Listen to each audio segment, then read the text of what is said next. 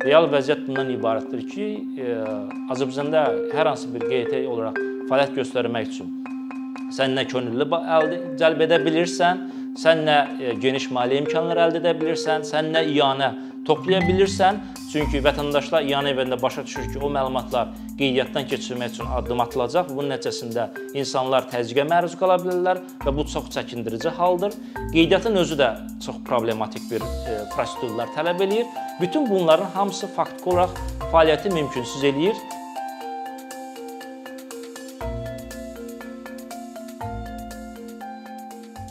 Bu günləri sizə e, Azərbaycanda fəaliyyət göstərən qeyri-hökumət təşkilatlarının e, fəaliyyəti üçün hüquqi əsaslar, yəni qanuni əsaslar, e, fəaliyyəti üçün e, mühit haqqında danışmaq istərdim. Amma bundan öncə gərək biz ümumiyyətlə qeyri-hökumət təşkilatı nə deməkdir? Yəni o hansı əsaslarla formalaşır, məqsədi nədir, necə yaranır? Bu haqqda sizə ətraflı məlumat verim. Ondan sonra artıq biz hüquqi tərəflərinə və fəaliyyət istiqamətlərinə toxunaq.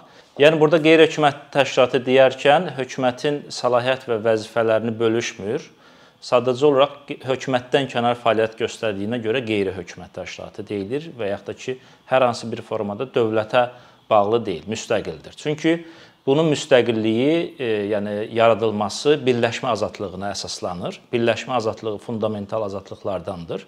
Azərbaycan Konstitusiyasının 58-ci maddəsinə görə hər bir e, vətəndaşın və bir neçə şəxsin e, hər hansı bir qurumda birləşmə və hansı bir quruma e, sərbəst şəkildə qoşulma hüquqları var və qoşularaq öz məqsəd və fəaliyyətlərini istədiyi istiqamətdə həyata keçirmək səlahiyyətinə və hüququna sahibdir.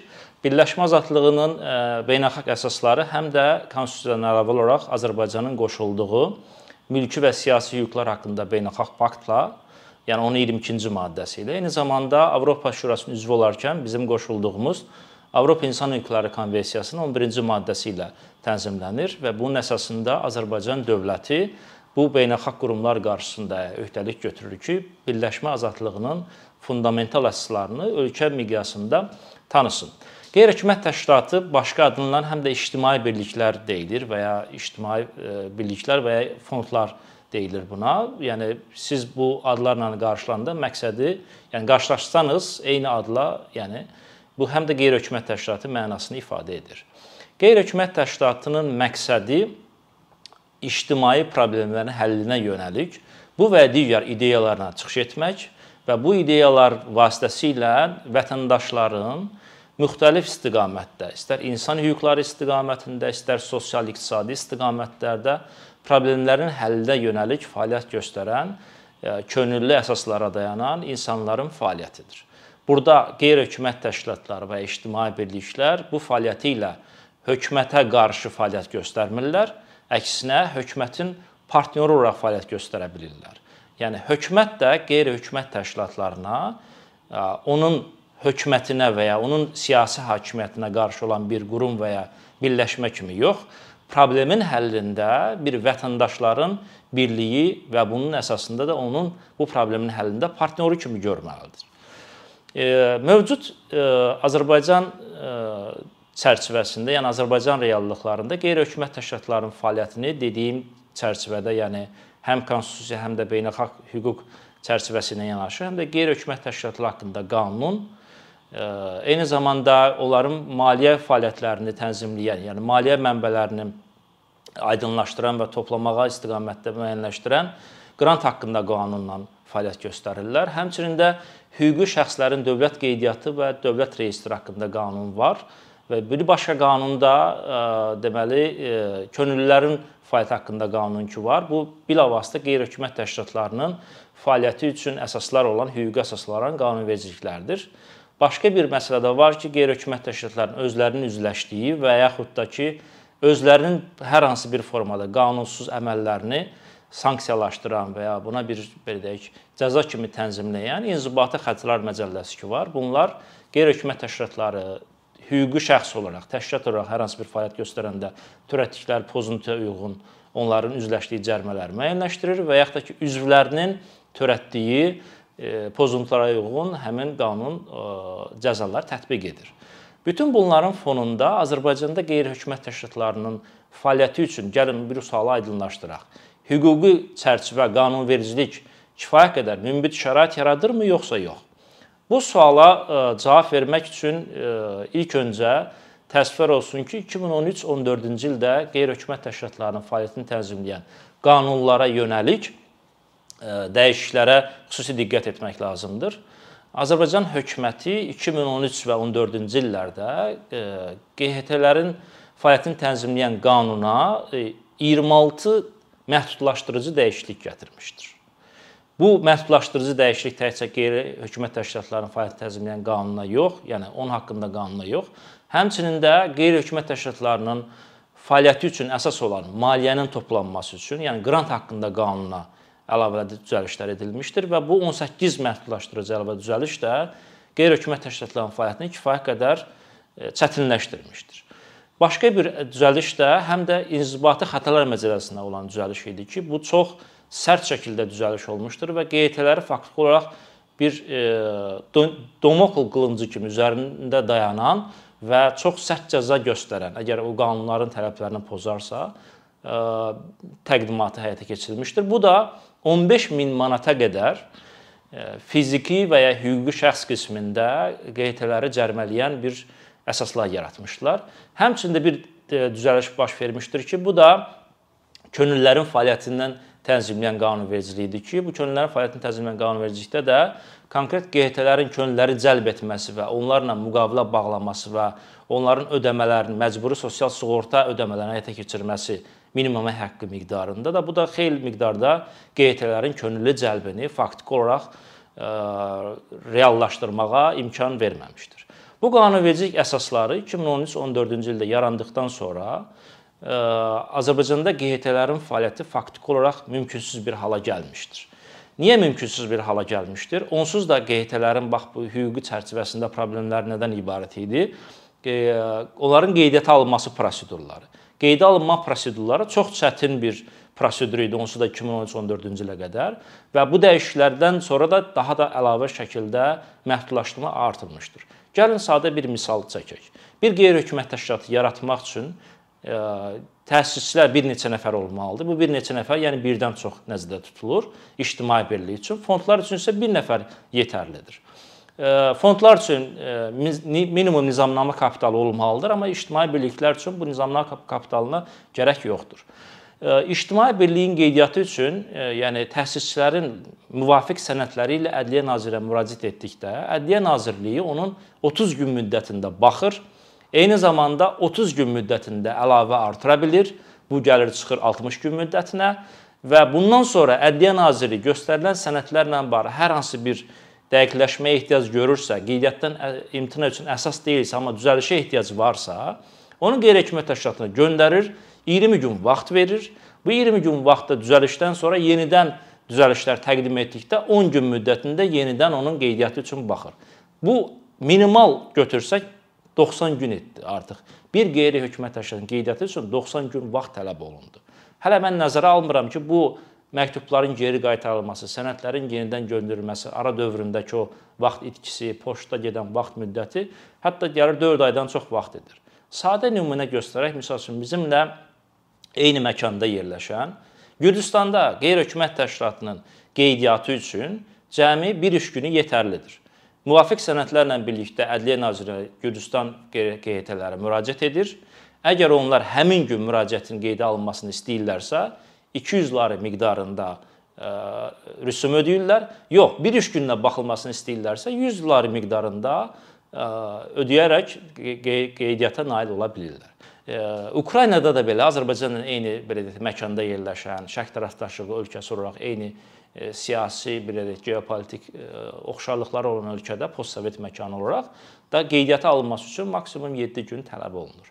Yəni bu onu göstərir ki, Azərbaycanda hətta mövcud olan qanunvericiliyin tələbləri ilə biz addımlar atmış olsaq, bizə ən azı 90 gün, yəni ortalama 120 gün vaxt tələb olunur. Hələ bu halda nəzərə almasaq ki, Ədliyyə Nazirliyi hansı bir qeydiyyatı almadan imtina üçün başqa bəhanə edici səbəblər gətirməsin. Yəni mövcud qanun onun əslində xeyli miqdarda imkan verir ki, qeydiyyatdan imtina üçün geniş əsaslar və səlahiyyətlər gətirmək imkanı verir. Başqa bir məsələ QT-lərin fəaliyyətinin maliyyələşməsi məsələsidir. QT-lərin fəaliyyətinin maliyyələşməsi qanunvericilikdə bir neçə parametr üzrədir. Yəni üzvlük haqqlarından ola bilər, topladığı iyanələrdən ola bilər, dövlətin ayırdığı yardımdan ola bilər və yaxud da qrant əldə edilməsindən ola bilər. Mən daha çox qrant əldə edilməsinə fokuslanmaq istəyirəm. Bir də iyanələr haqqında fəaliyyətə fokuslanmaq istəyirəm. Qrant deyərkən bəzən insanlar belə düşünür ki, bu qrant çox pis bir şeydir və bu qrantlar adı altında çox müxtəlif e, belə deyək, hətta e, qar, qara kimi təqdim olunan məqsədlər üçün e, istifadə edilə bilər. Qrant heç bir əvəzi gözlənilmədən hər hansı bir ideyanın gerçəkləşməsinə ayrılan vəsait deməkdir yəni qrantın iyanədən fərqi odur ki, iyanə də hər hansı bir e, e, belə deyək, əvəzi gözlənilmədən ödəniş deməkdir, amma iyanənin konkret məqsədi olmur. Qrantın isə konkret məqsədi olur. Yəni hər hansı bir ideyanı dəstəkləyir. Təşkilatın özünü dəstəkləmir. İdeya dəstəkləmək üçün ayrılan vəsaitdir, amma heç bir halda gəlir məqsədi üçün olmamalıdır və heç bir halda əvəzi yeri istənilən bir vəsait deyil. Yəni qrant əldə etməsi üçün təkcə qeyri-hökumət təşkilatları çaba sərf etmirlər. Yəni hökumətlər də qrant əldə edir və dəfələrlə olub ki, təkcə daxildə yox, xarici mənbələrdən də qrant əldə edilməsi ilə bağlı hökumət Azərbaycan QT-lərindən dəfələrlə çox qrant əldə edib və bu gün də o əldə etməni davam etdirir. Yəni pis bir şeydirsə, hökumət də bunu əldə etməməlidir. Deməli burada pis bir e, belə deyək də əsaslar yoxdur və bu suallar Sadəcə olaraq bəzən də insanları manipulyasiya etmək məqsədinə və ya hansısa bir şəxslərə, qruplara təzyiq məqsədinə istifadə edirlər. Qrant əldə etməklə bağlı Azərbaycanda vəziyyət nədən ibarətdir? 2013-14-cü il dəyişikliklərindən sonra bu çox çətin bir duruma gəlib çıxmışdır. Çünki dediyim kimi 10 qrant haqqında qrant fəaliyyəti haqqında qanunun tələbinə görə 18 məhdudlaşdırıcı dəyişiklik faktiki olaraq Azərbaycanda QT-lərin fəaliyyətini mümkünsüz etmişdir. Çünki niyə? İlk öncə qrant verən beynəlxalq təşkilatlar və ya donorlar və ya Azərbaycanda fəaliyyət göstərən səfirliklərin qrant vermə vermə fəaliyyəti dayanmışdır. Çünki e, o dəyişikliklərdən sonra bir neçə parametrlər var. Bu QT-lərin qrant əldə etməsini mümkünsüz etmişdir. Eyni zamanda donorların özlərini burada fəaliyyət göstərməsini mümkünsüz etmişdir. Bunlar nədən ibarətdir? Yəni donor olmaq üçün sən ilk öncə Azərbaycan hökuməti ilə saziş bağlamalısan. Eyni zamanda donor funksiyasında çıxış etmək üçün sən rezident olaraq tanınmalısan ölkədə, sənin qeydiyyatın olmalıdır. Fərqi yoxdur, ölkədə fəaliyyət göstərən donordur və ya beynəlxalq miqyasda fəaliyyət göstərib ölkədə nümayəndəlik kimi fəaliyyət göstərir. Bütün bunların hamısı üçün rezident olmalısan ilk növbədə. Bu rezident olduqdan sonra hər hansı bir resipiyentlə, yəni donor əldə edən qurumla və şəxslə müqavilə bağlamalısan. Bu müqavilədən sonra e, deməli qrant əldə edən şəxs müraciət etməlidir Ədliyyə Nazirliyinə. Bu müraciətin müddəti Gəlir çıxır 15 gün müddətində Ədliyyə Naziri baxır. Və əlavə 15 gün müddətində Ədliyyə Nazirliyi bunu artıra bilir.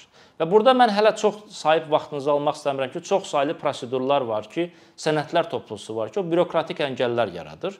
Bunu nəzərə almasaq, bu prosedurları tutaq ki, QT-lər, insanlar aşaraq səy göstərib müraciət edirsə, Ədliyyə Nazirliyi göndərir həmin qrant haqqında müqaviləni Maliyyə Nazirliyinə. Maliyyə Nazirliyi bu qrant müqaviləsini 7 gün müddətində maliyyə iqtisadi əsaslandırmasını araşdırmalıdır. Əgər Maliyyə naziri hesab etsə ki, bu sahəyə dair Azərbaycan hökuməti hesab etmir ki, hər hansı bir maliyyə ayrılmalıdır və həmin halda Azərbaycan hökuməti çox rahatca bundan imtina edə bilər və Maliyyə naziri imtina qərarını Ədliyyə nazirinə göndərir. Ədliyyə naziri artıq heç bir halda qrant qeydiyyatını həyata keçirə bilmir.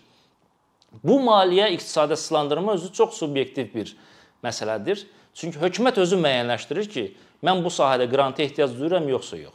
Amma bu ideya hökumətin ideyası olmur. Bu ideya ictimai birliklərin və ya şəxslərin ideyası olur və o problemlər onlar müəyyənləşdirirlər ictimai olaraq və onlar öz ideyalarını gerçəkləşdirirlər. Belə halda hökumətin müdaxiləsi faktiki olaraq hökumətin bu qrantı tənzimləməsinə əsas yaradır. E, başqa bir baxımdan 7 gün müddəti də həmçinin Maliyyə Naziri uzada bilir, əlavə 7 gün müddətində faktiki 14 gün müddət eləyir. Bu 14 gün müddətindən sonra, bu əsaslandırmadan sonra Maliyyə Nazirinin qərarı müsbət olarsa, o donora qrant vermə hüququnu tanımış olur.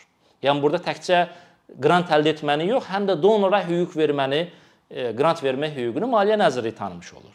Və bu sənəd geridən qayıdır Ədliyyə Nazirinə. Ədliyyə Nazirliyi 15 gün müddət yetmirsə, əlavə yenə 15 gün müddətində baxa bilər. Baxdıqdan sonra sənədlərin düzgünlüyünə, məsələlərin əsaslandırılmasını aydınlaşdıraraq Ədliyyə Naziri qrantın qeydiyyata alıb almaması haqqında qərar verə bilər. Bax burada 2 dənə ikili mərhələli qrantın qeydiyə alma mərhələsi var. 1. Maliyyə Nazirliyi dediyim kimi istəsə məqbul hesab eləsə qəbul edir, məqbul hesab etməsə qaytarır və bununla da donorun qrant vermə hüququ tanınmır. Ədliyyə Nazirliyi isə gəldikdə ikinci mərhələdə həmin təşkilata bu qrantın verilib verilməməsi haqqında Ədliyyə Naziri müəyyənləşdirir. Və bu prosedurlar da o qədər qeyri-müəyyən və o qədər Ədliyyə Nazirliyi üçün geniş imkanlar yaradır ki, və istənilən halda Ədliyyə Nazirliyi siyasi məqsədlərdən dolayı və ya QHT-nin fəaliyyət alanından, yəni sahəsindən dolayı və ya qrantın mövzusundan e, mövzusu əsasında istənilən formada siyasi müdaxilə edərək bu fəaliyyətdən imtina üçün əsaslar əldə edir. Ümumiyyətlə beynəlxalq praktikada Azərbaycanın da üzv olduğu Avropa Şurası Konvensiyasının tələblərinə görə, həmçinin Azərbaycanın yurisdiksiyası da onun əhatə dairəsinə aid olduğu halda Avropa Məhkəməsinin qərarlarında çox aydın görünür ki, konvensiyanın tərəfindən çox aydın görünür ki, bəli, istənilən qanunvericiliyə dövlət məhdudiyyət gətirə bilər. Yəni hüquqların məhdudlaşdıran hüquqlar, mütləq olmayan hüquqlara məhdudiyyət gətirə bilər. Amma bunun üçün bu məhdudiyyət qanun əsas olmalıdır, legitim məqsəd daşımalıdır, demokratik cəmiyyətdə zərurət olmalıdır. Yəni hökumət bir qanunun tərtib edərkən, ümumiyyətlə bir qaydaları tərtib edərkən mütləq qaydada onun sərhədləri aydın görünməlidir ki, sən imtahanı, qeydiyyatdan imtahanı, bir qeydiyyatın qeydiyyatının imtahanı hansı əsaslarla göstərməlisən? Bu çox konkret olmalıdır və aydın bilinməlidir. Yəni e, bu prosesdə iştirak edən tərəf də, insan da, vətəndaş da, qrup da bunu çox aydın qabaqcadan görməlidir və bilməlidir ki, bu hansı münasibətlərə girir və bu münasibətlərdə hansı prosedurlara əməl etməsə niyə imtina alacaq? Bu bəri başdan bilməlidir. Yəni ona görə bu qərarlarda, bu hüquqda ümumiyyətlə çox vacib tələbdir ki, öncə görülə bilənlik əsası olmalıdır. Bax, bu Azərbaycan qanunvericiliyində istər qeydlərin qeydiyyatından bağlı, istər qrant verməklə bağlı, qrant əldə etməklə bağlı çox qeyri-müəyyən və geniş səlahiyyətlər verən bir e, bizdə normalar fəaliyyət göstərir. Burada vacib bir məqam da iyanələrlə bağlıdır. Azərbaycan qanunvericiliyində İyanələrlə bağlı fəaliyyət də çox məhdudlaşdırılıb. Birinci məhdudiyyət ondan ibarətdir ki, 200 manatdan artıq iyanə mütləq qaydada köçürməklə olmalıdır. Bu nağd ola bilməz. İkinci də e, hər bir iyanənin kim tərəfindən verilməsi, nə qədər verilməsi ilə bağlı məlumatları qeyri-hökumət təşkilatları Ədliyyə Nazirinə müraciət etməlidir, həmçinin Maliyyə Nazirinə müraciət etməlidir və qeydiyyatdan keçirməlidir və bildiriş almalıdır. Yəni qeydiyyatdan keçirmədən, bildiriş almadan iyanəni heç bir halda istifadə edə bilməz. Yəni bunun özü artıq iyanə könüllü məqsəd üçündür və istənilən bir addım üçün vətəndaş və ya hansısa bir hüquqi şəxs iyanə ödəyə bilər və ictimai təşkilat da bu vətəndaşın razılığını və ya hüquqşünassın razılığını alaraq bu fəaliyyəti göstərməlidir. Hə burada şəffaflığı təmin etmək üçün məlumatlandırma funksiyası olaraq e, aidiyyatı qurumlara məlumat göndərmə, göndərə bilər. Dünyanın praktikası da bundan ibarətdir. Əvvəlki praktikada Azərbaycanda bundan ibarətdir. İndi isə iyanə fəaliyyətini də konkret olaraq belə deyək, icazəli sistemə keçirilibdir. Məlumatlandırmaq icazəli sistem əsasında fəaliyyət göstərir.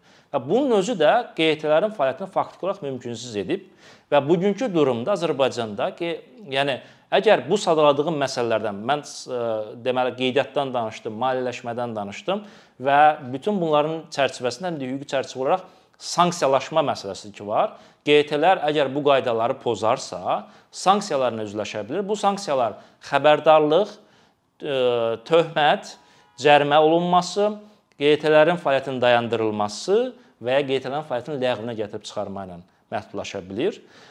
Burada əlavə olaraq qanunvericilikdə edilən dəyişikliklərdə Ədliyyə Nazirliyinə çox böyük geniş imkanlar verir ki, QT-lərin fəaliyyətini də yoxlaya bilsinlər və bütün bu çətinliklər QT-lərin fəaliyyətlərini faktiki olaraq mümkünsüz edib və belə bir durumda QT-lərin fəaliyyəti mövcud ölkə içərisində faktiki olaraq hüquqi əsasları mümkün olmayıb. Yeganə olaraq fəaliyyət göstərmək imkanları, yəni nə Azərbaycanda faktiki olaraq donor fəaliyyəti göstər göstərən tərəf yoxdur. Səfirliklər müəyyən az miqdarda maliyyələr ayırırlar mən donor deyərkən xarici mənbədən olan donorlardan gedir. Bəli, dövlət donor qismində çıxış edərsə, onun qeydiyyata alınmasına gərək yoxdur. Amma dövlət resursları da bəlli bir miqyasda və bəlli bir siyasi çərçivə üçün ayrıldığına görə ictimai birliklər burada sərbəst fəaliyyət göstərə bilmədiklərinə görə bu istiqamətlərə getməkdən yayınırlar. Belə bir vəziyyətdə yeganə hüquqi leqal e, maliyyə əldə etmə imkanı yalnız fiziki şəxs olaraq xidmət müqaviləsinin bağlanması mümkündür. Bu da e, QT-lər üçün yəni e, qrant fəaliyyəti deyil, çünki artıq xidmət müqaviləsindən fəaliyyət konkret vergi münasibətlərini tənzimləyir və burada sən sahibkar olaraq çıxış edirsən. QT-lər olaraq da yenə əgər xidmət müqaviləsi bağlasa, o da yenə qeydiyyat prosedurundan keçməlidir qrant kimi. Ona görə Azərbaycanda fəaliyyət göstərən ictimai şəxslər üçün yeganə hüquqi yol yalnız fiziki şəxs olaraq xidmət müqaviləsi çərçivəsində fəaliyyət göstərmək mümkündür. Bax, bütün bu problemlərin sonucunda real vəziyyət bundan ibarətdir ki, Azərbaycanda hər hansı bir QT olaraq fəaliyyət göstərmək üçün sən nə könüllü əldə cəlb edə bilirsən, sən nə geniş maliyyə imkanları əldə edə bilirsən, sən nə iyanə toplaya bilirsən. Çünki vətəndaşlar iyan evində başa düşür ki, o məlumatlar qeydiyyatdan keçirmək üçün addım atılacaq. Bunun nəticəsində insanlar təzyiqə məruz qala bilərlər və bu çox çəkindirici haldır. Qeydiyyatın özü də çox problematik bir e, prosedurlar tələb eləyir. Bütün bunların hamısı faktiki olaraq fəaliyyəti mümkünsüz eləyir. Yalnız fiziki şəxs olaraq fəaliyyət göstərməyi, yəni xidmət müqaviləsi göstərməyi mümkün edir. Bu da o şəxslər üçün mümkündür ki, belə bir durumda yəni siyasi riskləri gözə alaraq fəaliyyət göstərməyi özləri üçün əsas götürürlər. Yəni biz də hal-hazırki mövcud durumda qeydiyyatçız fəaliyyət göstəririk, çünki qeydiyyat olaraq bizi qeydiyyata almayıblar. Azərbaycanda bütün prosedurlar keçmişik. 2006-cı ildə Avropa məhkəməsindən kommunikasiya bitib və qeydiyyata almaq üçün məhkəmənin qərarını gözləyirik. E, eyni zamanda qrant fəaliyyəti üçün də hər hansı bir formada nə fiziki şəxs olaraq, nə hüquqi şəxs olaraq müraciət etməyə imkanımız yoxdur başqa bir tərəfdən müstəqil donor yoxdur.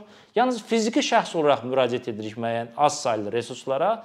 Fiziki şəxs olaraq da resurs əldə etsək də, leqal olaraq fəaliyyət göstərsək də, gördüyümüz işlər, məsələn, təlimlər görürük, müəyyən ə, insanları maarifləndirmə işləri həyata keçiririk. Amma bu çox məhdud sayda maliyyə həyata keçirilir. Amma bu hüquqi olsa da, bank vasitəsilə həyata keçirilsə də, vergi ödənişi hə, vasitəsilə həyata keçirilsə də, Amma istənilən halda bizim üçün hər zaman fəaliyyətimiz üzərində risk var. Bu risk də siyasi risklə bağlıdır. Çünki 2014-cü ildə açılmış QT-lər üçün cinayət işi hələ də bağlanmayıb. E, mən çox o detallara girmədim. İctimaiyyət bəllidir ki, nə qədər e, QT-lər cinayət təqibinə məruz qaldı 2013-14-cü illərdə. Bu gün də hələ də mövcuddur. Yəni bu fəaliyyətimiz üçün də istənilən zaman siyasi qərar olarsa, siyasi müdaxilə məqsədi olarsa, belə bir risk var. Amma insanlarımız bu riski gözəl olaraq fəaliyyət göstərmək istəyirlərsə, artıq onlar üçün müəyyən belə deyək də, ə, demokratiyada çarə tükənməz deyə belə bir deyim var. Müxtəlif variantlarda ə, fəaliyyət göstərmə imkanları əldə etmək mümkündür. Yetər ki, burada iradə olsun, Azərbaycan gerçəkliklərini yaxşı biləsən və bu gerçəklərə uyğun yaxşı davrana biləsən. Əkinçinin yeni videoları haqqında məlumatlı olmaq üçün kanalımıza abunə olmağı və xəbərdarlıq funksiyasını aktivləşdirməyi unutmayın. Bununla bərabər gördüyümüz işlərin davamlı olmasını istəyirsinizsə, bizim patronların sırasına qoşulmağınızı rica edirik. Əkinçinin Patreon icmasının üzvü olaraq siz bizim təşəbbüsə dəstək göstərməklə bərabər hazırladığımız materialları hər kəsdən öncə izləmə imkanı əldə edəcəksiniz. İmkandan istifadə edərək cari patronlarımıza işlərimizi davam etməyə yardım olduqları üçün dərin təşəkkürümüzü bildiririk.